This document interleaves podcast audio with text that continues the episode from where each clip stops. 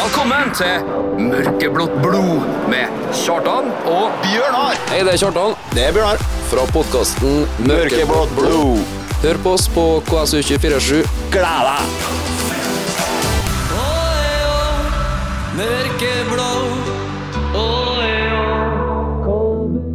Der var vi tilbake. Velkommen til Mørkeblått blods lyttere. Eh, nå er dagen kommet, Bjørnar.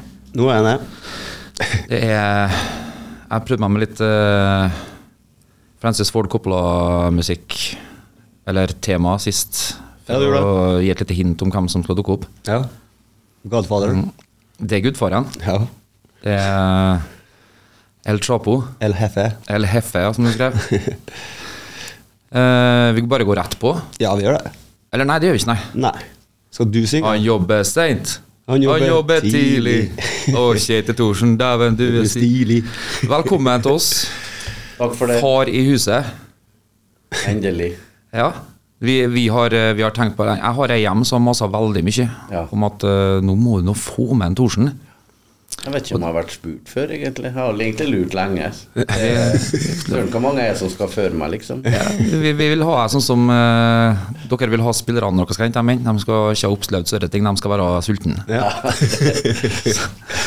Always leave them wanting more. Nei, um, vi spiller inn her dagen etter kickoff 2023. Uh, jeg spurte deg på vei inn, er lov å ta på lufta. Hvordan er formen? Nei. Formen er sånn at du kjenner at du har vært på kickoff i går. Ja. Så det er litt energi som skapes, og du er litt spenning, og det er jo et stort arrangement for, for oss, egentlig. Så det blir litt utlanding. Så når vi først kvelden var i gang, så sørga jeg nå for å kose meg med det som var å kose meg med, og da er jeg litt skallbank i dag. Trang hjelm i dag. Ja. Um, tilbake i festiviteten igjen. Det var koselig. Ja, men det er vel første gang siden typ opprykksfest eller noe sånt, ikke Ja. Det, Det har vært Bråttal, det har vært uh, Kulturfabrikken. Er det, er det jeg som blander nå? Nei, det, det skulle være Skulle være det, ja. Kulturfabrikken, og så Pandemien. ble det covid. Nettopp, stemmer. Men uh, festiviteten er ypperlig. Ja. Det, er, det er ikke noe sånn overtro bak det, at uh, siden opprykksfesten tok, ble tatt der, så, så, skal vi, så skal vi legge litt sånn subliminale signal. Nei, det var nå to alternativ. Det var Kulturfabrikken eller eh, festiviteten. Og den ene var opptatt. Ja. Og da var det valget enkelt. Rent praktiske årsaker. Ja. Fornøyd med arrangementet? ja, jeg syns det var utrolig bra. Eh, Folk kosa seg, og, og eh, mye bra på scenen, syns jeg. Ja. Både som skaper stolthet og, og latter. Så mm. jeg kjente jeg fikk voldsom energi. Gleder meg. Jeg fikk ikke med meg at jeg ble kalt opp ved navn. Eh, fra Nå må du hjelpe meg. Herdis og Dordis Nei, Harda og Dor Dordis, eller noe sånt? Ja, de eh, sa navnet ditt. Men eh, du var vel eh, ute og røyka? Jeg tror det er best for alle parter, egentlig. det er ikke sikkert at det har For du har jo gått opp. Eh, Det er jo en overhengende fare for det, men det, det er ikke sikkert at eh, produktet hadde blitt noe særlig forbedra av det. Så det, får de, eh, det er bra at de fikk styre meg sjøl. Du har stått på en scene før du på kickoff. Ja, ikke ripp opp i det nå. Jeg jobber med å fortrenge. Ja, det var bra. Tenker du på Bråtan. Ja. ja, det var jo flott, det. Lærte oss sangene og Jeg, jeg har jo skjønt det i senere tid at du er flink å synge. Jeg snakka med en som var på konsert nylig oppe i kirka og skrøt veldig, så det var egentlig nytt for meg at du var Det er noe godt å på høre. det nivået. Ja, det, jeg, måtte, jeg måtte opp i et, eh, det som tilsvarer fra fjerdedivisjon til Obos, eller noe sånt med dem jeg skulle spille eller synge sammen med, som skulle spille instrument. Så eh, da var jeg litt på tynn is en stund, men eh, det gikk tålelig greit. Ja. Flinke folk. Artig, ja. Um, vi må vi, vi er hva er vi? Knappe to uker til seriestart. Ja, 10. Eh, 10. april. Følelsen fra dommeren blest av Jerv på hjemmebane. Tre Eller det sto tre karer på matta her. Kristian, Sander og Thorsen. Hva, hva har, hvor har omstillinga ligget hardest hen fra, fra det ble blest av der og nedrykket var et faktum, til nå vi skal til å starte opp for hvert øyeblikk? Den, eh, det det er en prosess over tid. Det er klart vi, vi lå jo der vi lå hele sesongen i fjor, så det var, det var jo på en måte i utgangspunktet ikke noe, noe sånn du var helt uforberedt på. Men det er klart utviklinga i kampen eh, både her og i Sandefjord gjorde at du Det kom som et sjokk allikevel, da. Ja, det gjorde det. Men eh, jeg har nå sagt til meg sjøl alltid at den dagen eh, KBK må ned i Obos, så, så skal jeg ikke stå på meg. Da, da skal være som en sånn gummiand som eh, blir stukket under vannet, og så den, den spretter opp igjen. Ja. Så eh, det å skape ny energi, og det, det syns jeg har gått greit. Og jeg gleder meg akkurat like mye til 10. april i år som jeg har gjort eh, tidligere om årene. Så eh, jeg ser frem til en, en kjempeartig sesong på et nytt nivå. Så får vi håpe at vi har marginer og, og fokus, Ja. så at vi kan komme oss tilbake dit vi hører hjem. Er omstillingsdyktigheten. For vi har jo gjort en ganske markant reise og måtte omstilt en del ting tidligere. Riktignok kanskje det er positivt, men da har vi kanskje bevist at vi har evnen til å snu om når noe forandrer seg. Så kanskje det kan hjelpe nå når det, når det for første gang går den andre veien òg. Ja da. Vi, eh, det er noe sånn med fotball. eh, Det er noe perioder hvor det går bra, og perioder hvor det går dårlig. Og jeg syns vi som klubb, og ikke minst spillere og trenere, har vært flinke å omstille egentlig også fra kamp til kamp når vi i perioder har slette. Så det, det er nå en del av det å, å drive fotballklubb. Og eh, også det at du har evnen til å evaluere deg sjøl og evaluere klubben og hva som har vært gjort bra og hva som har vært gjort mindre bra, og så prøve å justere seg. Så nei, det har vært uproblematisk. eh, Så jeg tror vi fremstår eh, veldig klar og nå inn mot eh, Fredrikstad. Bra treningskamper òg. Har du noe vært. Ja, det er mye positivt å ta med seg. Eh, Jeg noterte meg Jeg var ikke i dårligere form i går, jeg noterte meg at en viss Edøy mente at eh, det var de 13 først, 14 første plassene som var ganske greie, men derifra ut så var det mye ungt og urutinert. og jeg, Folk jeg snakker med, eksperten i gata, mener jo at det er det har aldri vært så bra besatt med, med spillere på, Dekning. andre valg som, som pusher på den første. Hvilket inntrykk Jeg vet at du er ikke først og fremst nede på feltet så mye, men har du noe Hvordan er din overall take på det? Nei, vi har nok mer enn 12-13 spillere som er moden for å spille på det nivået som, som vi skal. Så det er ikke helt enig med en runde med det, da, men uh, eh, det, det er litt sånn hvordan du velger en, en stall, da. Skal du ha eh, dobbel dekning på alle plasser? Skal du ha 24, eller skal du ha 26? Hvor skal alderssammensetninga være? Jeg føler at vi nå har ei en stall både i forhold til størrelse og på alder og kall det hvor de kommer ifra, som er ganske tilnærma sånn som vi ønsker at det skal være. Og, og det handler også litt om økonomi. Eh, eller ikke bare litt, det handler egentlig alt om økonomi. Ja. Så eh, den korrigeringa, den, eh, den, den måtte komme. Og det, er- nå, akkurat nå er det et generasjonsskifte i KBK. Det som jeg syns er gledelig, det er at uh, de ungguttene som kommer opp i dag, de har vært i KBK over tid. Eh, de har på en måte hatt en profesjonell hverdag, da, for å kalle det i, og en god skolering uh, i KBK i mange år. Slik at vi ser at vi får opp både flere nå og, og flere med høyere nivå enn det har vært gjort tidligere. Så, så nei da, det, det er sunne og gode prosesser. og Gruppa fremstår som veldig homogen og godt miljø. og og vi snakker alltid om den, den tryggheten i KBK. Det, det tror jeg veldig mange føler på. Og så er det litt sånn, du skal ikke føle for mye på trygghet heller, for du, det, deg du skal bli pusha. Så Apropos, jeg har tatt meg sjøl i å være så positiv som jeg ikke har vært før. Men det, det har jeg dårlige erfaringer med. Ja, ja. Å være positiv, da blir en alltid slått ned så fort. Men det er mange som sier tre-fire første kampene er viktig alfa og omega. Altså, det høres jo floskelaktig ut, men, eh, men jeg er jo litt enig i at eh, vi må på en måte en, eh, gjøre et statement i begynnelsen, og sånn at vi har noe å ri på, istedenfor at de skuldrene skal begynne å komme fordi at det er for lite poengsanking. alltid greit å komme godt i gang. Det gjør noe med energi og entusiasme og selvtillit. Men det, det er klubber som Lillestrøm eh, åpna jo forferdelig dårlig og lå jo nesten under streken første fem, seks, syv rundene når de var i Obo sist, og så, og så klarer de det til slutt, da. Så, eh, men allikevel, eh, vi, vi skal gjerne starte bra og, og ligge der hele, hele veien. Men, men eh, det er noe fokus fra dag til dag her som, som må til. Kloke ord. As always. Um, vi hadde jo ikke eh, hjemmelekse, men jeg tenkte jo med meg sjøl når jeg snakka med deg i går, at uh, ta en travel mann.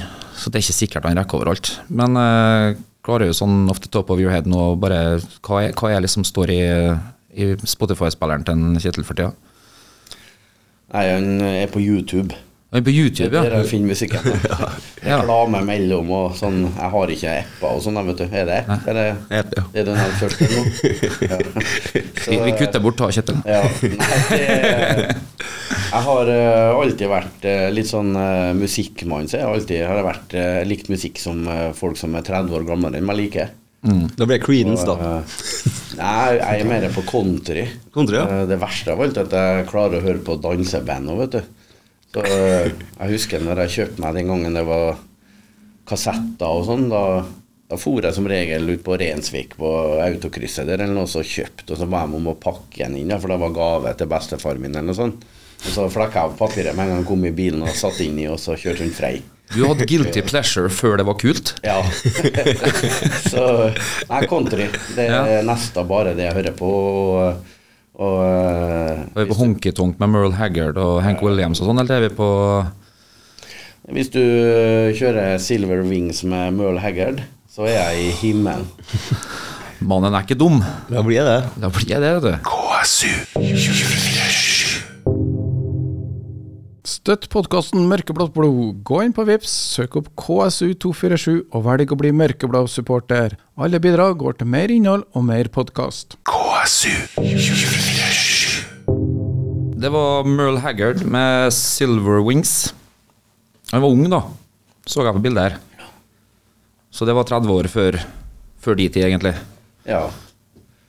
Nei, det Country Det, det har ikke vært eh, Jeg begynte å tenke på det når du Jeg har en, eh, jeg har en eh, urban eh, myte om Kjetil Thorsen. Så nå skal du få Du kan jo velge å ikke la fakta ødelegge gode historier. Men noen sa til meg en gang at du har ikke Du har vært en hva skal jeg si, en entreprenørsjel fra tidlig alder. Fordi at du skulle visst arrangere en rockekonsert og hadde litt sånn dårlig oversikt over hva garasjen deres romma. Og du skulle ha 30 000 der eller noe og arrangere rockekonsert i en sånn veldig veldig ung alder. Jeg har, det noe snev av sannhet i seg dette her? Nei eh, eh, Var, arrangøren eh, Kjetil Thorsen der allerede tidlig? Ja, men det var ikke noe garasje. Nei. Jeg arrangerte konsert på Ballsletta på Røsseren. Du gjorde det, ja? Ja. Og det var The Devils in the Details. Det var en lørdagskveld, tror jeg. Og hadde leid inn Asterix. Ja. Geir Sakshaug, eh, keyboardspilleren i Asterix, bodde jo oppe i Buesvingen. Så jeg hadde eh, leid inn dem, og det var inntektene skulle gå til Røsseren IL, selvsagt. ja. Og vi fikk låne en sånn uh, lastebilhenger opp på yrkessjåførlinja, så det var scene. Og så regna det noe helt jævlig. Og det kom ikke folk. Så jeg måtte springe og ringe på dørene på Røsseren og høre om folk kunne komme der og løse billett, om ikke annet. Og når eh, konserten var over, så tok vi bare opptelling, og så fikk de de pengene jeg hadde. Så, Det, altså, så jeg er så glad for at det er en snev av sannhet i den historien her. Ja. Hvor gammel var eh, unge Thorsen da? nei, 10-11, tenker jeg. Skjønner du, eller? ja sjukt. Så det var jo written in the stars at, eh, at det skulle bli en som skulle klare å bygge opp noe med å starte fra relativt scratch. Ja, det var, det var fint å vokse opp på Røsseren der. Ja. Det var liksom av de første plassene i byen der det var laga ei ballslette som ungene Ja, kunne leke seg på. Så vi arrangerte fotballcuper. Veldig fin akebakke nede mot Persløkka her. Og hvis jeg ikke altså, jeg har sett noen bilder på, Der hadde vi på hoppbakka. Ja. Og så var det jo sånn uh, crossløype på, for sykkel òg, oppå her. Se en det, Bjørnar. Ja. Du er ung, du, vet du. Ja, er det. Ja. ja, det har jeg ikke vært borti. Nei. BMX-gjengen, det. Ja. Are, Are Lervik, det, vet du. Det var BMX Røsseren. BMX og keeper. ja. Ja. Uh, litt om uh, karrieren før KBK. Eh, hvordan, kom du inn i, i KBK, og hva, hva var du før? Hva, hva, hva er din akademiske utbildning? Neida. Nei, eh, alt jeg har lært, har jeg lært i fotballgarderober. Så eh, noe akademiker er jeg overhodet ikke. Jeg er vel egentlig en ildsjel som er blitt daglig leder. Så eh, det er ikke det er ikke som i andre klubber at det heter administrerende direktør heller. Så Nei. jeg var en selvlært type. Litt sånn entreprenør, som du sier. Hadde du samme oppgaven i, når du jobbet i, eller var i Dale òg? Ja. eh, I Dale kom jeg i 1994, eh, for jeg søkte om eh, egentlig vaktmesterjobben i Dalane. Og så skulle jeg da selge Stratos og Dime og Chips og greier. da. Jeg husker jeg det, det ja. Så det var liksom det jeg skulle leve av. da. Jeg fikk gratis husleie mot at jeg var vaktmester. Ja. Og så skulle jeg leve av å selge godteri. Og det var på den tida hvor folk skrev opp, og det var jo ikke rar omsetninger, så jeg kunne ikke leve av det. Så eh, da måtte jeg bare bli spillende trener og få noen kroner for det. Og så ble jeg daglig leder, jeg tror det var rundt i 95 eller noe sånt. Så jeg var jo med i, i Dale egentlig fra delvis 94 til 2006, da. Ja. Så det var utrolig artig. Det var, det var vel egentlig stort sett der man lærte å drive fotballklubb, i hvert fall på det nivået. Så har jeg jo vært heldig å få vært daglig leder da, fra sjettedivisjon mer eller mindre og til Eliteserien. ja. Så han har liksom fått prøvd alle mulige nivå, Absolutt. og, og alle nivåer er egentlig like artig og like krevende. Moonlighta litt som trener på Dale en periode der. Eh, tror til og med du hadde en viss magiker fra Skorpa som uh, lydig elev så, som spiss på et Dale 2-lag en gang i tida. Stemmer det. Jeg husker godt det. Det var eh, litt sånn møtende spiss. Uh... Han sa det. Uh, kunne ha vært en av de beste møtende spissene i Kristiansund, Kjartan. Ja. Det er ikke ment å si at han har ei stor ræv, så det er vanskelig å komme rundt. nei da, men det Det er litt tilfeldighetene, tilfeldighetene som uh, gjorde at du havna der du Månen sto i rekke med Merkur, og akkurat det passa seg slik, så du, du kom inn under KBK ja, tilfeldig. Ja eh, Når KBK ble stifta, da var jeg daglig leder i Dale. Og da fikk jeg spørsmål om å være sportlig leder, egentlig fra dag én av. Eh, men da levde jeg jo av å være sportlig leder i Dale, så jeg kunne ikke, kunne ikke si opp en jobb for å bli frivillig. Eh, Så den dagen de skal ansette folk i KBK, da håper jeg at jeg får en telefon. Og i 2006 da fikk jeg den telefonen. Og Sånn forhandler en ringrev. Absolutt. Bare si det er brekkstanga. Nei, nå, er- da må vi komme opp med noe De har ikke råd til meg, sa du egentlig. Nei, det, det jeg kan si at jeg sa, det at eh, når Vidar Solli ringte, så sier jeg at den jobben der har jeg venta på hele mitt liv.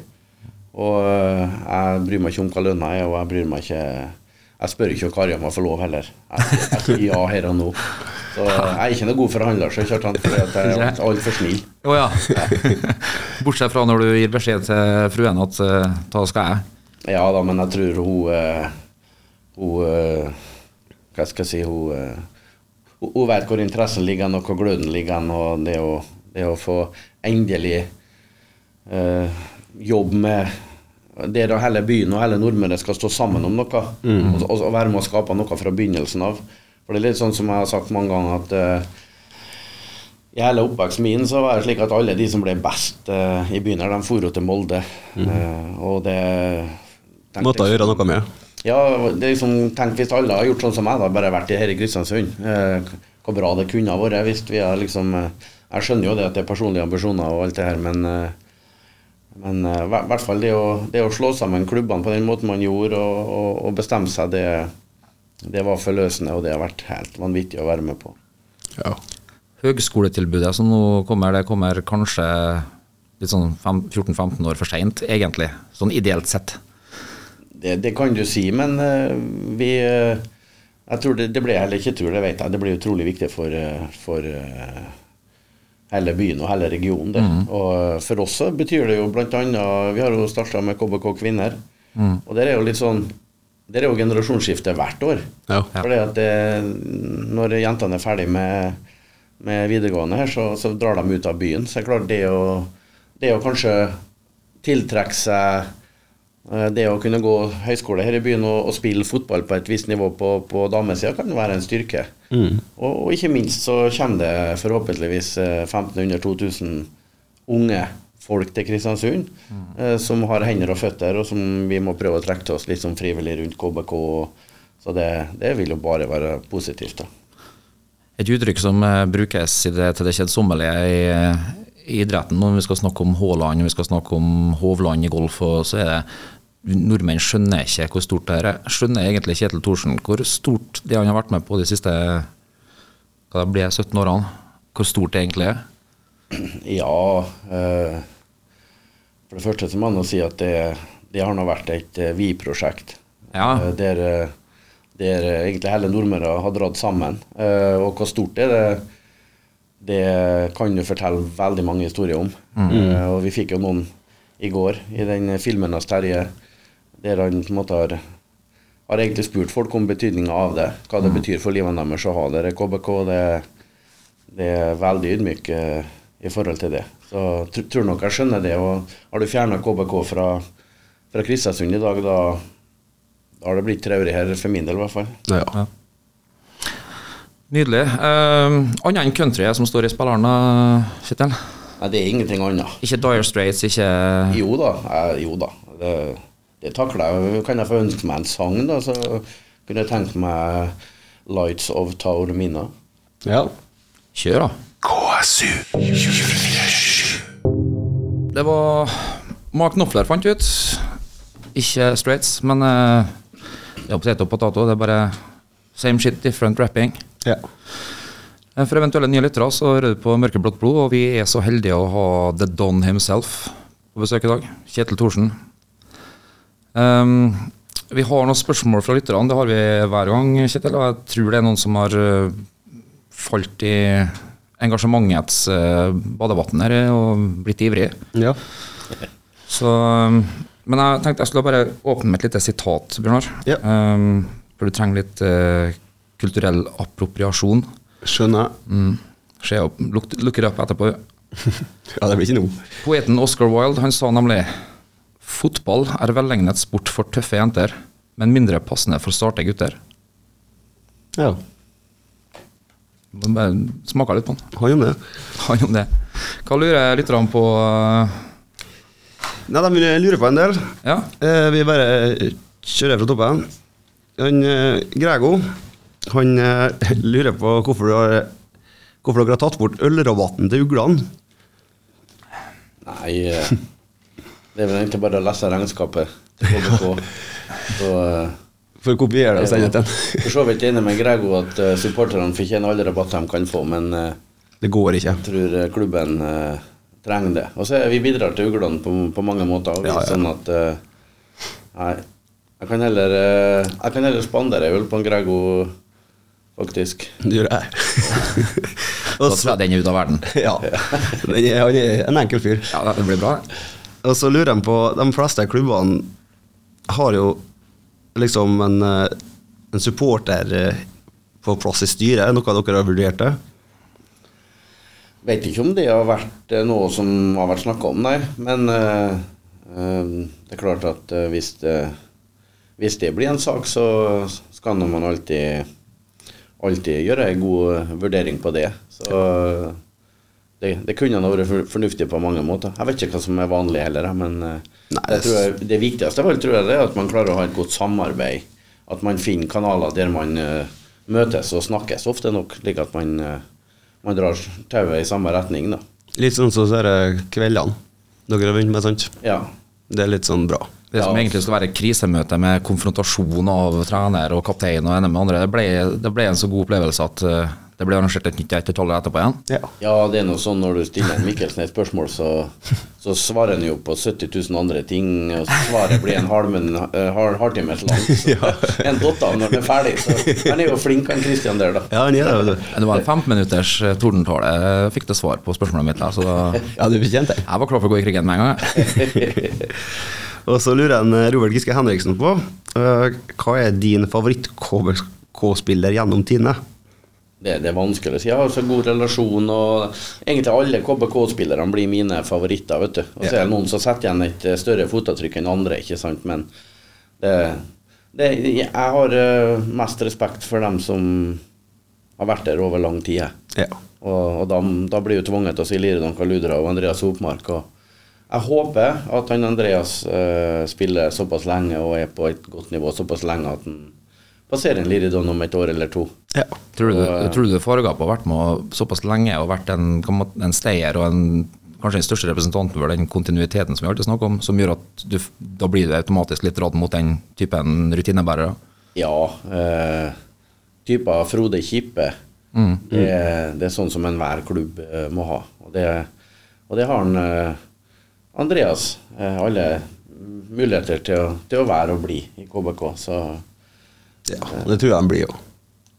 ja da. Og så er jo en del av eh, drivkrafta til en fotballspiller det er jo at du skal opp og frem og videre, selvsagt. Du må alltid ha det. Så hvis det, det at du skal være i en klubb over tid nødvendigvis er største, største målsettinga, gjør deg kanskje ikke til verdens beste fotballspiller, men, eh, men allikevel. De som har vært der over tid og satt igjen sånne fotavtrykk, de blir alltid, alltid huska. Legender. Det blir jo litt, det blir litt synsing, da, men det, har jo i hvert fall når Rosenborg hadde sin største storhetstid, og det rulla inn med Champions League-penger, så det ble jo tappa for en del spillere som kanskje ble sittende og slite benken, utsatt for skader, og som kanskje kunne ha vært blitt igjen og vært en stor fisk i en liten dam, istedenfor å fære og bli en liten fisk i en stor dam, og ikke altså, bli del av et stort stjernegalleri som du kanskje ikke, som ikke tar deg noen steg videre. Mens det er kanskje ikke like stor forskjell mellom lagene i Eliteserien og norsk fotball i dag. Du, men du ser jo alle som det fra Bodø-Glimt. De kommer hjem igjen. Ja, nei, det er, har lyst til å bli klubblegende, sånn som Totti og Gerrard og sånne ting. Så det er, Det er respekt. ja, det syns jeg er respekt, ja. Absolutt. Og så lurer jeg på hva På skala til 1 til 10, hvor god var du som fotballspiller sjøl? Nei, det spørs jo hva den skalaen vurderes ut ifra, da. uh, men uh, uh, jeg, spilte stort sett tredjedivisjonsfotball. Uh, noen kamper i andredivisjon ble det jo Spesielt når jeg var spillende trener i Dala, vet du, for da tok jeg ut laget sjøl. Ja. Sånn at eh, Først på rosteren. Siste seriekamp der mot uh, Tiller borte, da satte jeg meg inn sjøl. Jeg hadde egentlig slutta med fotball, men eh, nei da. Uh, Midtstopper, var det det? Eller er det bare sånn mot slutten av karrieren, sånn som alle når farta forsvinner? jeg har spilt alt. Eh, jeg har kretsmesterskap uh, som keeper òg. Og Yes. sto litt mål i håndball. Derfor så var jeg ofte keeper innendørs med Klausen. Jeg har spilt junior i Mariedalscup, en stor cup i Sverige. Da var jeg keeper et år. Det du sitter og sier nå, Kjetil, at du var reaksjonssterk på et tidspunkt? Ja, jeg var det faktisk. Men jeg var jo ikke, jeg var ikke rask. Nei. Så det begrensa. Nei, jeg mangla nok Jeg hadde nok eh, Sånn som deg, Kjartan, ganske bra teknikk. Men mm. det er litt lettere å ha teknikk når det går seint. Ja, det er akkurat det. Så, eh, men eh, Det er sånn egget, for du må, du må ha noe når det går tregt.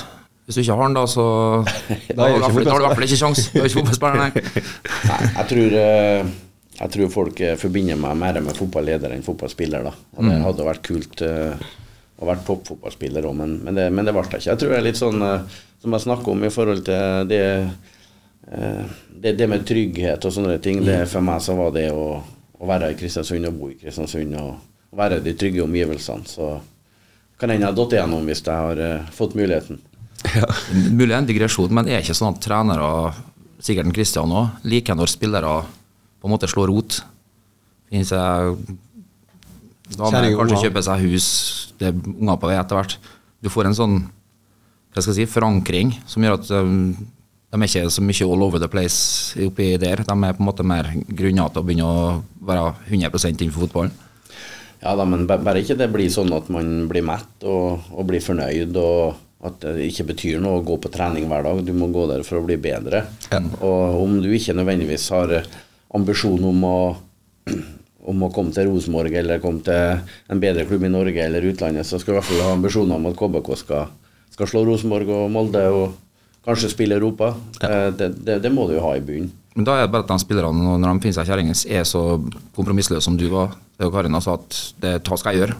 Og så få fortsette å bli med på lasset hvis de må flytte til Trondheim eller, eller Belgia for å spille profffotball hvis jeg blir så god. Ja. Må bare legge premissene klar. Eh, Jeg datt litt av spørsmålet nå, så jeg vet ikke hva jeg skal, jeg skal. Vi tar bare neste. Det greit, det. Det var, det var et litt sånn langt spørsmål, så det, Ja, det datt ut ut, Og så er dagen i dag. Ja. Og så lurer, Robert lurer på hvorfor det ble Arsenal, da. Nei eh, tror Fine røde drakter. Cupfinale på 70-tallet. Pat Jennings er mål, og Allan Sunderland. Tror hun slo United 3-2 eller noe sånt. Så United, nei, Arsenal det har hunget ved meg hele tida. Men eh, det har avtatt egentlig med årene. Det, Det blir jo sånn. når, du, når du har et, eh, et hjerte i KBK, som tross alt er en toppfotballklubb uten sammenligning for øvrig, så, så er KBK det er det som betyr noe. Og så er Arsenal, det, det syns jeg er bare artig når det går bra. Du, men du kan kose deg med øl og en kamp på TV, liksom? Ja, ja, ja. Jeg ser ikke så veldig mye fotball på TV, men eh, akkurat Arsenal-kampene de prøver å få med meg nå. Ja. Det, de spiller god fotball og Ja, det er artig å se. ja. Og så har jo Rita Olsen fått det helt her og stilt mange spørsmål. Eh, hvilke følelser raste gjennom hode og kropp eh, eh, etter den sinnssyke spennende omgangen i Eliteserien? Fikk, når du fikk vite at det var nedrykk. Men Det har vi egentlig gått igjennom da, til å begynne med sendinga. Nei, jeg har faktisk ikke lest det, altså, så det, da er- ser du hvor in tune vi er. Ja. Begynner å bli samkjørt, da. Ja. Jeg lover bra, det. Nei, sjokk og vantro. ja. Det, det var Jeg fikk liksom ikke noe tid til å omstille deg der, for det, det var liksom Vi har klart det, vi har klart det, vi har klart det. De skåra to, ferdig. Ja, og så du ser litt av på filmen i går, som vi så på i festiviteten i der dommeren blåser i fløyta. Da ser du jo Christian blir filma ganske kjapt, og han står der egentlig bare og Hva var det som skjedde nå? Ja. Du ble helt Noen som tok nummeret på en semitralleren som traff meg. ja. Ja. Det gikk ikke an å gjøre noe. Det liksom, kan ta være sant, liksom. Det, sånn, det var følelsen. Det Jeg hadde Jesper Isaksen, han sto på kontoret mitt bak. eh, og han holdt meg hele tida orientert. da. Og det var Hver gang jeg snudde meg, så var jeg tommel opp. og der, ja, Nå er nesten 3-0 og ikke noe problem. da, og så siste fem minuttene, så da brydde jeg meg ikke om han noe mer. Nei. Før at vi fikk det frisparket der på overtid, og jeg snudde meg, og han eh, var helt vill på ruta der. og Nei, da skjønte jeg ingenting. Nei. Så det var bare vondt. Ja, Men, eh, du har sikkert fått ha svart på det mange ganger, du òg, men har du noe formening? Det er veldig mange nå som er Det er lett å være etterpåklok, og så sier de det. Ja, men hvorfor skal vi ri inn 1-1? Men dæven, hvor dumt det har vært Nå legger jeg føringer, merker jeg, men jeg er ikke journalist. Eh, hvor dumt det har ikke vært å gå til angrep, da. Kanskje vært uheldig å fått ei kontring imot, og så hadde 2-0 holdt seg nedi der. Og så har vi rota etter sjøl. Det ble slakta da òg. Ja. ja, altså Taktikken til KBK det var jo å slå Jerv. Mm. De første 75-80 minuttene så var vi faktisk ikke gode nok til det. Uh, vi fikk et mål imot, eh, guttene var prega. Det var liksom den dagen hvor det var ikke mangel på at man prøvde eller hadde lyst. Men det er klart, når det er igjen ti minutter, uh, da blir jo frykten for å slippe inn et mål eh, like stor. Så Nei, det ble en ekkel greie. Det som var synd med kampen, var at vi var, var ikke gode nok til å avgjøre den tidlig. Sjøl. Men så var det mulig å se hvordan Jerv kunne komme til å prestere, for det tenkte kanskje ikke godt nok over hvor lave skulle de kunne ha. For det, det var spilte ingen rolle for dem, egentlig. Nei. Da kom de ut og kunne gjøre ting bare istedenfor å tenke så mye om konsekvenser. Ja, og det, det kan jo slå begge veier. Eh, stort sett så vil jeg si at det er gunstig å møte lag som ikke har noe å spille for. Eh, men du har noe til det at de kan klappe seg løs, og de kan få Får du første målet, ikke sant, og alt det her, så, så kan du flyte på et eller annet. Men, eh, det var nå den dagen. Vi, vi Kunne vi- var ikke gode nok. Kunne vi eh, med hell fått møtt de tre nyopprykka lagene senere enn samtlige innenfor de fire første rundene? Jeg har tenkt litt på det. Du møter nyopprykka lag, de er jo på en medvinst det holder. Du ville, du vil helst møte dem midt i sesongen, når de er kanskje litt usikre og kanskje begynte å avgitt litt poeng igjen og mista litt entusiasmen. Men vi møtte tre av dem i fire første rundene. Ja da, nei, det er klart, eh, spesielt de lagene som er nyopprykka, så de har alltid mye energi og mye trøkk. Og, Selvtillit og Ja, det er liksom Ja. Jeg tror nok eh, litt sånn momentum for oss en del kamper der vi mista seieren mot HamKam på slutten. Vi, vi tapte for Jerv borte, ikke sant. Det, det, det var liksom mye å prege sesongen for oss, da. Ja, og så ikke minst skadene selvfølgelig på nøkkelspillere. Det er jo Det, det kommer en ikke unna. Nei, Murphys lov. Alt som kunne gå galt, gikk galt. Det som er bra med det, det er at en del av de som, som fikk spill som en konsekvens av at det var mye skader, eh, er kanskje de som kommer til å være bærebjelkene i år. mm. Eh, ser både Max, eh, Sebastian Jahl, Sander Kartum, Binni Willumsson. Eh, Kommer til å bli knallgod eh, og veldig viktig for, eh, for KBK i år. og De brukte jo fjoråret til å få spille kanskje mye mer enn det man kanskje hadde trodd. Ja. Ja. Og de har jo Alle dem var jo gode. Absolutt. Eh, Kan du bli like irritert over det gode humøret til Kristian etter han har tapt en kamp, du òg, sånn som vi? Eller uavgjort, og så var det marginer som gjorde at vi ikke vant. Og Nei, eh, jeg er glad for hver dag han har det gode humøret. For eh, det hender noe inne på kontoret mitt, og det er ikke alltid han liker blid da. Så Så du er lynavlederen hans, du, på stadion der? det, det, det må det være, så nei da. Eh, et smil og godt humør, det er litt av visittkortet til KBK, det. Jeg tror ikke det er mange som tenker over, de ekspertene i gata og på, rundt omkring, at de Hva er alternativet?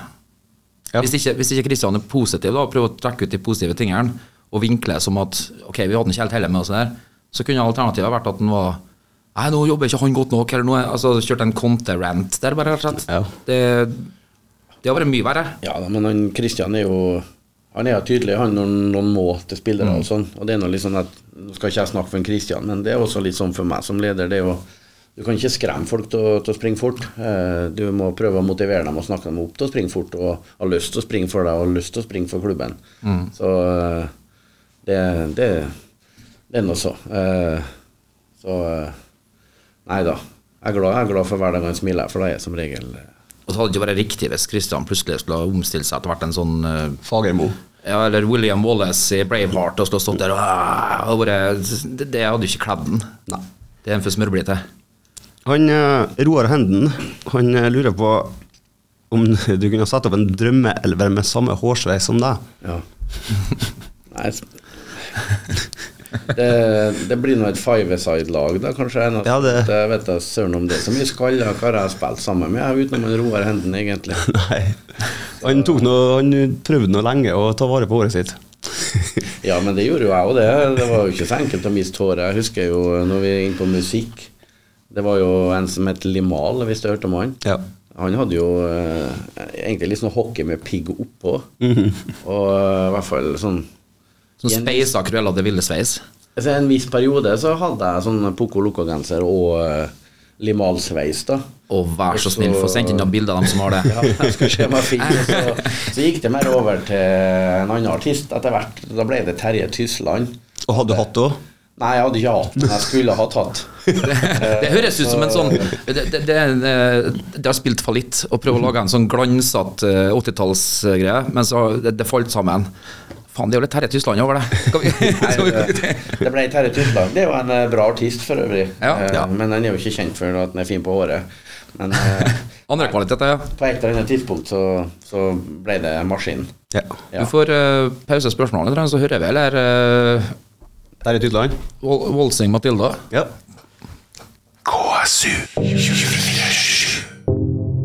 Det var Volsing Matilda. Det var den uh,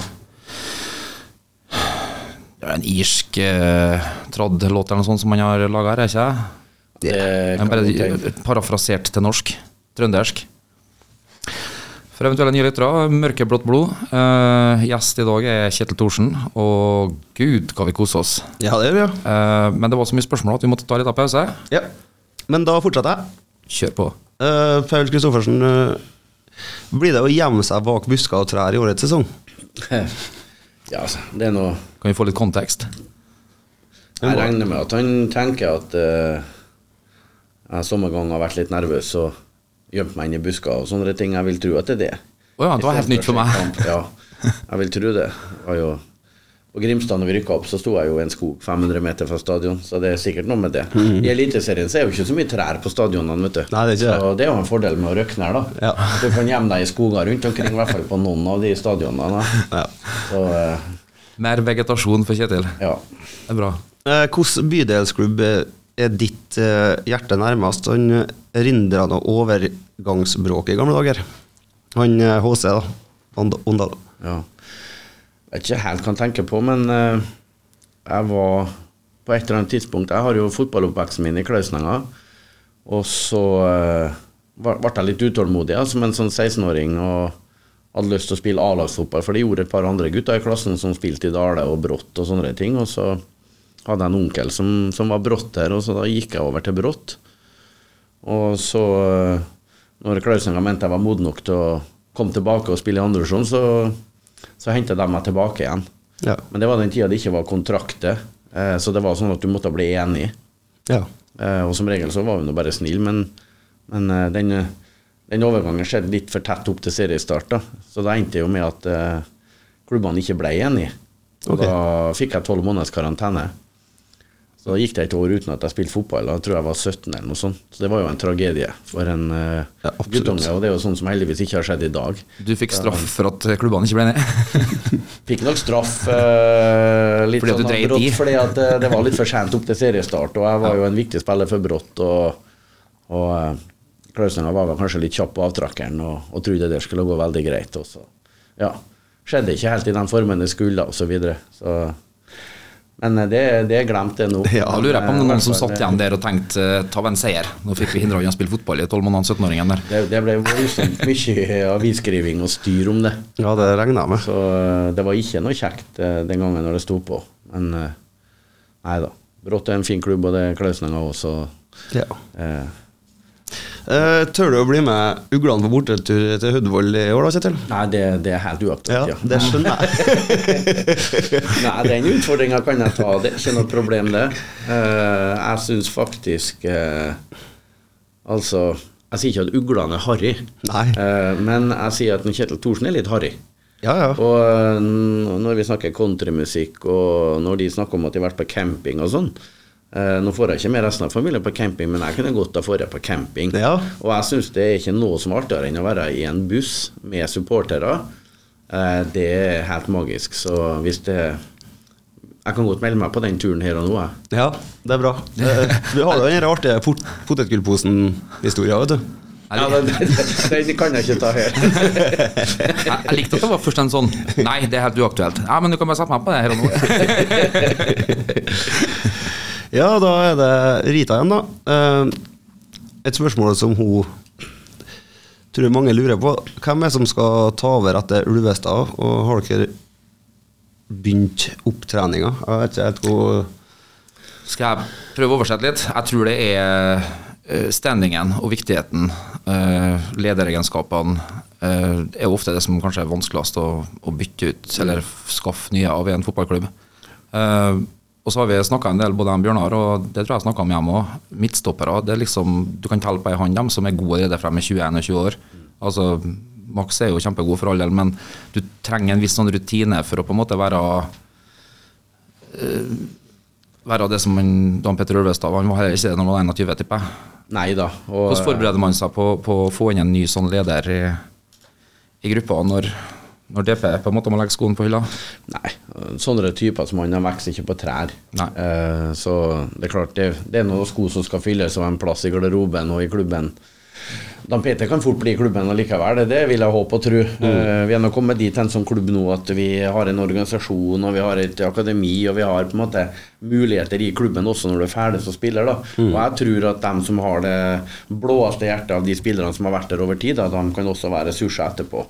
Eh, så Dan Peter eh, håper jeg og tror jeg kanskje ikke er tapt for klubben den dagen han slutter heller. Nei. Men, men det vet man aldri. Men eh, nei, altså det, det er nå alltid sånn i fotball. Verden går videre, og det er alltid noen nye som tar opp ballen. Og det er klart, Hvis du har ett år, så har du en som skårer 20 mål, og så tenker jeg hvordan skal jeg erstatte han. Hvis ikke du har en ny en som skårer 20, så kan jeg du har 10 som skårer 2. Eh, så det sånn har det vært litt i KBK. Ja, Vi har hatt stoppere som har vært toppskårere ett år, og så har du spiss som skårer 30 mål året etterpå. Så har du en stopper som skårer 7 mål, som er toppskårer, men, men laget kan skåre like mye mål. Så det, Det har vært godt eh, fordelt, egentlig. De fleste sesongene utenom Pellegrino og man bad vel noen år òg. Ja, nei da, så det, det, det Toget ruller videre uansett, det. Eh, når du hører én mann på topp, eh, blir du stolt eh, når du hører den? Ja, altså, første gangen jeg hørte den, det var vel det rett før seriestart 2017, tror jeg. Og da må jeg ærlig innrømme det at jeg fikk frysning av det, og det kom noen tårer, da. Nå blir jeg jo spilt når det er mye folk rundt, og så blir jeg egentlig mest flau. Men det, det, det, er, det er en bra sang og en artig video. Det er en eh, fin sang, og det som jeg syns er spesielt artig med det, er at eh, de som synger, det er spillerne dine. Ja, det er det. Så det satte utrolig stor pris på det. Ja. Uh, Edvard Varvik, han, uh, hva betyr det for deg å få midtnorsk gatelagturnering på stadion i år? Det betyr eh, mye. Eh, og det er Altså, det gatelaget i seg sjøl, betyr utrolig mye for KBK. Det har vært en kjemperessurs, og det var liksom når vi, når vi begynte og tok det ansvaret det det er, da. Så, så var jeg jo litt spent. Men eh, jeg ser hva det betyr for de som, som spiller på det laget. Ja, det er mange som Og, eh, jeg ser hva, det, hva, hva de gjør for klubben. De bidrar på mange, mange måter. Og det Ja, det er den gleden som er der. Og det er litt sånn eh, Jeg husker når vi Når vi hadde samla inn penger til en eh, KBK-buss. Ja. Og jeg husker jeg gledet meg. Jeg, var, jeg for på natterstid neste og kikka inn i vinduet på Slattlem om det var kommet på en bokstav til og sånn. Jeg gledet meg som en unge til den bussen skulle komme over haugen, og alle spillerne skulle Og dem som syntes det her var artigst, det var jo jeg og gatelagsspillerne. ja. Litt mer plassert, i de, de A-spillerne. Er liksom, ting blir litt mer selvfølgeligheter. Og det var utrolig artig. Når det, når det gatelaget skulle delta, var vel i NM, tror jeg, på Raufoss, da eh, sa vi at da kan de, kan de bruke bussen. Veldig fin buss. Men Gatelagsstiftelsen de eh, syntes det ble for dyrt å kjøre en så stor buss med så få, da, for de var jo en 14-15. Så da måtte de eh, ta med seg gatelaget til Molde. Ja. Så de kjørte til Molde og plukka opp gatelaget der, og så kjørte de sammen til, til, til Raufoss. Og det, det syns jeg var fint, egentlig. Så, Læringskurven Nei, om eh, nøkternhet, som er backbone i klubben, det, det satt, den læringskurven var sånn til gatelaget der. da. At de, eh, nei, vi kan ikke være råflott sånn som der, vi må få med flere. Ja. Bang for buck. Ja. Nei, jeg syns det, og, og Edvard og alle sammen. Jeg, jeg føler vel egentlig at jeg kjenner personlig alle de spillerne etter hvert. det Er det litt sånn, Får man litt sånne aha-opplevelser som man ikke tenkte kom til å komme av i kjølvannet av et sånt gatelag? Mikkelsen snakker om den kan si, hu- humankapitalen. Eh, kanskje man får enda mer påfyll av den. Altså Forstå mennesker, legge til rette for uh, forskjellige behov. altså Det, det er overførbart fra toppidretten til gatelag og sånn. Ja, og så li- litt sånn ydmykhet i forhold til at uh, det er en del som har hatt en vanskelig vei. Eh, og, og det å på en måte behandle dem på akkurat samme måte, med samme respekten og med samme åpenheten, og det å skape trygghet Det er klart, for mange av dem der skjer, og det er den sosiale En ting er når du sparker fotball, da er jo på en måte da er vi jo fokusert på det, men det er jo en sosial aspekt av det.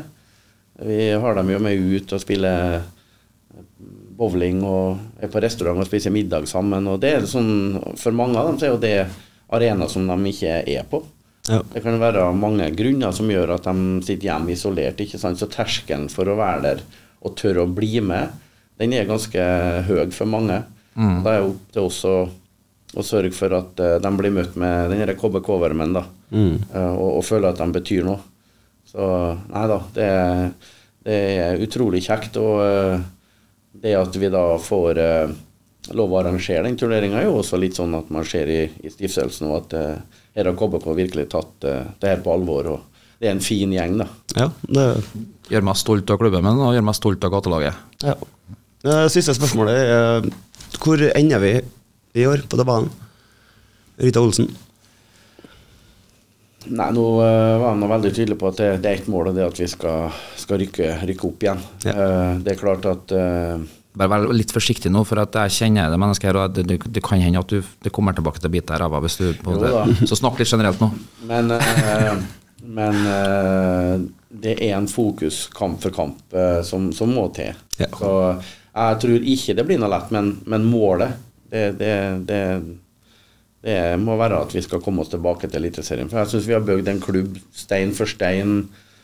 Organisasjonsmessig, anleggsmessig, profesjonalitet, så mener jeg at vi hører hjem i Eliteserien. Er det hva skal jeg si, altså er det sånn at man må prøve å ha litt is i magen, men eh, for at det er vel noe med hvor, hvor mye verre er hvis det ikke blir opprykt på første forsøk?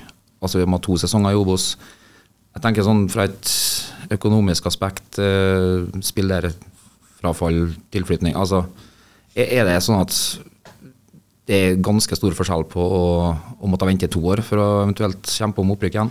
Det kan være det. Du kan helt sikkert finne eh, argument for at du Det er lettest å rykke opp med en gang igjen. Eh, og så er det, men det er aldri noe fasit på det. altså Rykker du ikke opp med en gang, så må du rykke opp andre gangen. Men det er klart eh,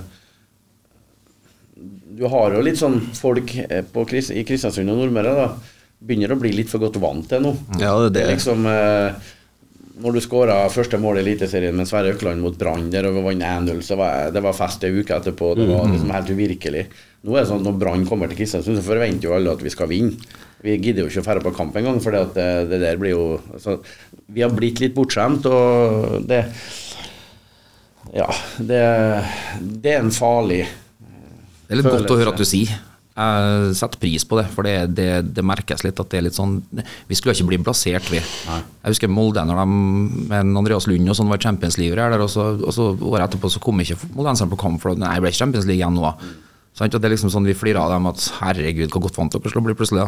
Ja. Og så har vi litt den derre Jeg bruker jo å fleipe med at du møter folk som sier ja, det er artig med KBK, så to årene de var oppe i øverst der. Mm. Det var seks. Åh, altså, skjønner du? Ja, ja, ja. Nei da, så det, det er litt den likegyldigheten og, og liksom Jeg tror vi må, vi må stikke fingeren i jorda og se størrelse på by, størrelse på klubb, eh, se hva vi på en måte ligger an det. Sogndal, HamKam altså du kan Fredrikstad. Ja, det, det er så mange klubber der som har vært i Eliteserien, så er det ned et år, og så er det Men sånn KBK skal bestå, kulturen skal, skal ta oss videre, og, og eh, rykker vi ikke opp i år, så må vi gå på den igjen neste år. Ja. Så du eh, Jeg fant vel ut at det var 17. mars, så skrev TV 2-sporten nå at eh, KBK er soleklar opprykksfavoritt.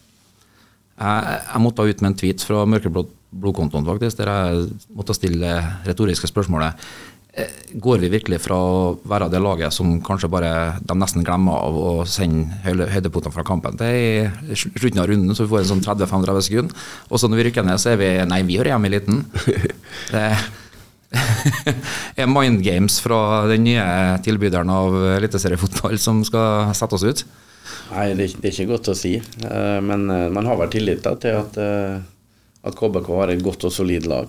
Så eh, vi, vi liker nå å tro det sjøl òg, men det er klart at uh, det, det her blir knallhardt. Og det, det, å, det å rykke opp, eller det å vinne en serie, det er det, er, altså det å vinne Obos det er, tror jeg i utgangspunktet er vanskeligere enn å holde seg i Eliteserien. Yes. Eh, For at du må liksom Du må nesten vinne hver eneste kamp eh, hvis du skal være der i toppen. Så, og det er utfordring. Det er psykisk slitsomt og alt det her òg, men Nei da. Vi får håpe en god start, sånn som vi snakka om i sted, og at vi, vi flyter på ei bølge, og at stadion er full og Ja.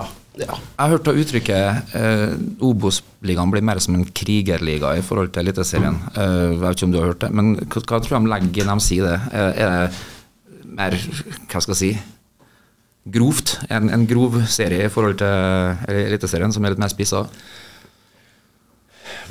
Det kan, du ser litt sånn som i England og det. Premier League, og så har du Championship. Jeg var på Championship-kamp nå om uh, Tranmere mot uh, Sunderland. Smell Det litt mer. Det, smeller litt, og det er gampfotball også, men jeg tror ikke, jeg tror ikke Obos-ligaen er på en måte Jeg tror ikke det er noe gampliga, nei. Nei. Jeg tror det er lag som prøver å spille fotball, og så det ikke, går det ikke like fort mm. som det gjør i Eliteserien. Og så er ikke spillerne like fysisk eh, sånn. Det er nok et lite nivå lite nivåforskjell på det. Ja. Men det er ikke noe, det er ikke noe gampfotballiga, nei. Er et tema at vi nå skal begynne å styre kamper, der vi tidligere har måtte måttet ha vært dem som kjemper å få andre ut av stilen og kanskje kontra inn mål? Kan hende at du møter en del lag som vil ligge lavt, og, og at vi kommer til å ha mer ballbesittelse. Sånn. Det er vanskelig å si. da. Eh, Jeg, jeg vil tro sånn som Molde, som, som kanskje fremstår som den største seriefavoritten nå i Eliteserien, de har jo Da tror jeg de har gått ned i ballbesittelse. De ligger litt lavere. Så nødvendigvis trenger ikke å være sånn at uh, de beste lagene nødvendigvis eh, er de som har mest ballinnehav. Så uh, vi har jo slettet til dels litt med å spille mot etablert. ja. Uh, Sletta litt med å være favoritter, egentlig. Men uansett, vi, vi har nå skåra mål i bøtta og spann nå. Eh, Og vi har mange som skårer mål. Så nei, jeg tror det, blir, tror det blir bra. Men jeg tror nok at vi må være forberedt på at Og det, sånn skal det være. Når det kommer til Absolutt. Kristiansund, så skal det være et helvete ute på banen. Og så skal du ikke som fotballspiller være redd for å Det skal være en fin ting å kunne styre kamper. Ja, ja, ja. Bedre, bedre å jobbe med ballen i laget enn å jage han. Ja, det er mye artigere å ha han enn å springe etter han, ja. Men skal vi kjøre elveren? Vi, vi har egentlig stikket fullt, men eh, vi tar en kjapp eh, Vince Gill. Okay. Har du noen låter der, da? Til. Ja, vi kan ta Look at Us. Støtt podkasten Mørkeblått blod. Gå inn på Vips, søk opp KSU247 og velg å bli mørkeblå supporter. Alle bidrag går til mer innhold og mer podkast. Vince Gill, 'Look at Us'. Uh, Kjærlighetslåt der, altså. Og det Kjetil sa at han var en romantiker. Ja. Vi må bare ta ham på ordet. Absolutt. Vi har litt jobb å gjøre, Bjørnar. Snakk for deg sjøl. Tar du livsløgna fra et så tar du livsgrunnlaget deres. Så Ibsen i sin tid. Vi er kommet frem til vi har, vi, Jeg føler at vi har drevet og holdt igjen litt Kjetil men han, han er jo en travel mann, så han må ha sine åtte og en halv time. Ja, jeg skal på jobb klokka seks. Ja, men du er nå helt om natta, helt om dagen ennå, ikke? Jo da. Så ung, sier du. Nei, jeg, har, jeg må ha åtte timer, ja. Det må det. ja. Legg meg tidlig om kveldene. Pass på mikro. Pass på, pa, pass på tikkeren din nå, du. Vi, vi vil ha vår don så lenge som mulig. Ja. Hvordan, eh, hvordan gikk du frem for å plukke ut elleve Er KBK-spillere, eller er det litt mer spredd? Nei, Jeg prøvde å ta litt fra hele fotballkarrieren min, da, så er det noe litt KBK, litt Klausen og litt Brått og litt Dale her. ja. Så Det skal liker jeg jeg egentlig. ærlig det er ikke mye gjennomtenkt. Nei, Fins ikke. Nei, men det er bare bra. Uh, nei, så kjør skal på. jeg bare kjøre Kommer det en, kommer det en eh, Hvilken formasjon kommer det? 4-3-3? Jeg blir 4-3-3 her, ja. Ja. Så uh, kommer ikke unna Sean McDormand i mål. Nei. Det er en eh, fantastisk keeper, en fantastisk person, som jeg har utrolig stor eh, respekt for. Kanskje en av de beste, viktigste signeringene KBK noen gang har gjort, kanskje. Ja, Visste vel ikke betydninga av det når vi fikk den, men eh, Å ha en så god keeper det, over så lang tid, det, det er fantastisk. Og han er en utrolig fin, fin fyr. Det så vi i går på filmen i festiviteten. Mm. Det, det, det er det. Og eh, på stoppere så kjører vi Trond Andersen. Ja. Røsern-gutt. Røsseren gutt. Vokste opp 50 meter nedom. Og så er det Dan Peter Ulvestad. Det er et knallsterkt eh, stopperpar. Og så egentlig høyreback. Da tar jeg egentlig en fordi at jeg, hvis han får høre at han ikke er på det laget, her, så kommer han til å bli mye gnål. ja, så du skal spare deg sjøl for litt rann, eh, Ja, for never han, han, er god, han er ikke god nok til å Så det, det blir Håkon Løvik, da. Ja. Uh, jeg tror han hadde blitt fornærma hvis ikke han kommer på det laget. Det så vi vel i en ar- avisartikkel her nylig når det var snakk om noe om han var på topp fem Jeg vet ikke hva eh, om han var på topp fem av Goma-spillere. Ja, stemmer. Så, jeg, jeg, ble, jeg tror han var nummer fem der, og det, det kan hende at han har snakka seg oppover noen plasser. Flere som vil slippe unna Gnarnes etterpå. Jeg vil tro det. Nei da, det var artig å spille fotball med en Håkon, for det var energi og, og glød, og det var artig både på og utenfor banen. Så, Alt vi trenger av en back. ja. Bjørnar er sånn. Vestrebekk litt overraskende, kanskje, men uh, vi hadde en kar på Dale som het Carlos Banda. Ja. Uh, han uh, henta vi fra Djurgården i Sverige. Det var når vi Dale følte vi til å bli litt sånn proffklubb. Så når vi var i tredjevisjon, så henta vi to svensker. Og da hadde eh, Kjetil og Kari et hus på Torven med to leiligheter i kjelleren, så da hadde vi to uh, Dale-spillere som bodde der. Det begynte tidlig å bo folk hjem til dere. Ja. Thorsen pensjonat. Og så Det var den tida vi hadde sånn lønnsgaranti, vet du. No. De skulle ha tjent så og så mye på fotballen, det var nesten ingenting. Og så skulle vi ordne en jobb til dem som de fortjente, sånn at summen ble Men de gjorde hva de kunne for å miste denne jobben hele tida. så den lønnsgarantien den trødde jo inn ganske ofte. Ja. Men det var en utrolig god fotballspiller, venstrefota, chilener. Svensk chilener, Carlos Banda. Ja. Midtbane, da kommer vi ikke unna Eivind Leonardsen. Jeg var heldig å spille med han òg, ett år yngre enn meg. Så jeg har, eh, han var jo en av tre kristiansundere på landslaget og Premier League Mm. samtidig. Hadde fire lunger allerede da, han. Han hadde fire lunger. Han eh, Det var jo den tida vi sprang Cooper-test. 3000, holdt jeg på å si. Eh, Og eh, han sprang i hvert fall Tok meg igjen med to runder. Så det blir litt sånn som Kompani Lauritzen til meg, at uh, Orden på 3000 meter var 2000. jeg brukte å ligge i den der vanngrava når det var mørkt. Nei, så Leonardsen der. Og så eh, eh, en kar som vi kalte Lille Maradona. Hvem er det, tror de?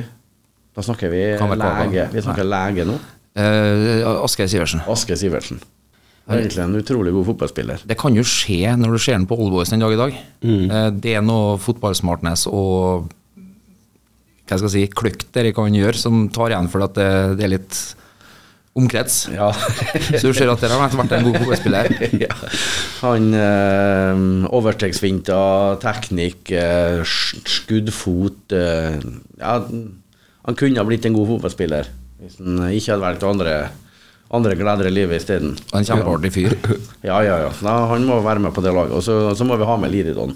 Ja. Mm. Eh, liksom, så da har du en midtbane der med mye kvalitet i. Um, så måtte jeg finne Annie Brått, i og med at jeg spilte der noen år. Så da blir det ikke Lotto Holten. Ja. Det var en lynving. Og det var mye sånn at vi hadde Det var, det var den tida man spilte med svipere, da, vet du. Ja, ja. Det var jeg store rom bak bekkene ikke sant, som sviperen ødela offsiden på. Så han sprang. Så Kjeloto Holten, høyre kant. Eh, og så var det en annen spiller som uh, kunne ha tatt det hvor som helst, egentlig. Eh, det blir Ivar Pedersen mm. fra Dale. Like gammel. Spilte eh, sammen med en del år der. Han var god i Goma, han spilte i første divisjon i KFK. Jeg husker jo den tida når, vi, når jeg, jeg trente Dale, så eh, var faktisk Vålerenga ute etter ham i. Eliteserien. Husk at det ble sagt at eh, Jan Koller var bare en fattigmanns Ivar Pedersen. Ja. Så eh, han eh, Nei, det var en utrolig god fotballspiller som, som kunne dratt det mye lenger.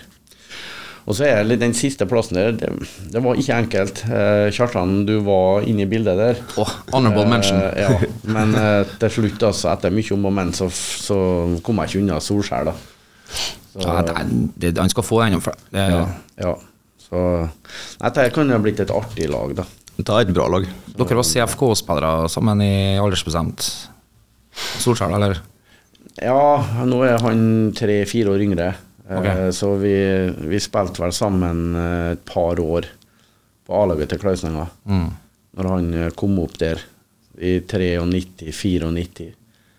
Og eh, vi var litt artige, faktisk, for at eh, på sommeren 94 så begynte jeg og Ole Gunnar på B sammen.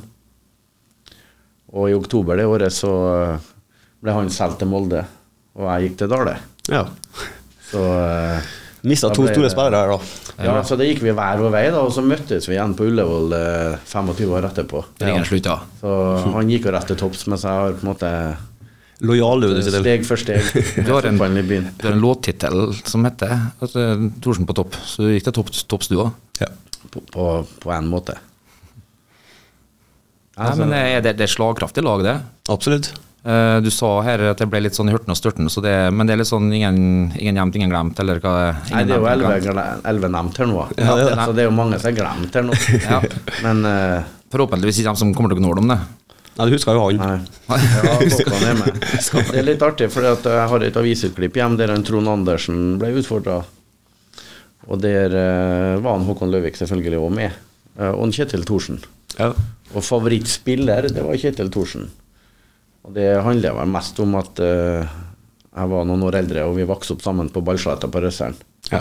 Og da var jeg liksom Klausenenga-spilleren noen år over han, så det hjalp på. Trond Andersen var den som var sånn tidlig ute å være en litt sånn moderne stopper. Uh, God med ball i beina, uh, pasningsfot, kan ta med ballen litt fremover. Det, det var ikke så mye av det den gangen, så han var litt sånn pioner der, da. Han var jo eh, seks-sju år yngre enn oss andre nede på Ballsletta der. Men du så jo med en gang at det her var noe helt spesielt. Ja. Fotballklokskap. Fotballspiller. Og, Det lyser gjennom, sånn sett, da. ja. Uh, vi er ved veis ende. ja. Dessverre. Uh, vi kunne ha sikkert låst den inn og hatt den her lenge, men eh, han har en jobb å gjøre. Ja, han skal ha timene sine. Vi er, ja, ikke minst. og vi er beæra for at du tok deg tida til å komme til oss, Ja, det var bare hyggelig. Jeg har venta i to år nå på å få komme hit. Så du, du får komme av hvis, når vi skal ha noe opprykksfest, eh, og sånn òg. Da skal du få komme av og få carte blanche. Da stenger vi ut PFU, og så får du si akkurat hva du vil. Ja, Vi, møter, vi Ja, møtes nå i bussen til Ulsteinvik. ja det, Det gjør vi. Jævla hødd. Ja, jævla hund Da takker vi bare for oss. Yes. Ha det. Ha det. Velkommen til Mørkeblått blod med Kjartan og Bjørnar. Hei, det er Kjartan. Det er Bjørnar. Fra podkasten Mørkeblått blod. Hør på oss på KSU247. Gled deg! Mørke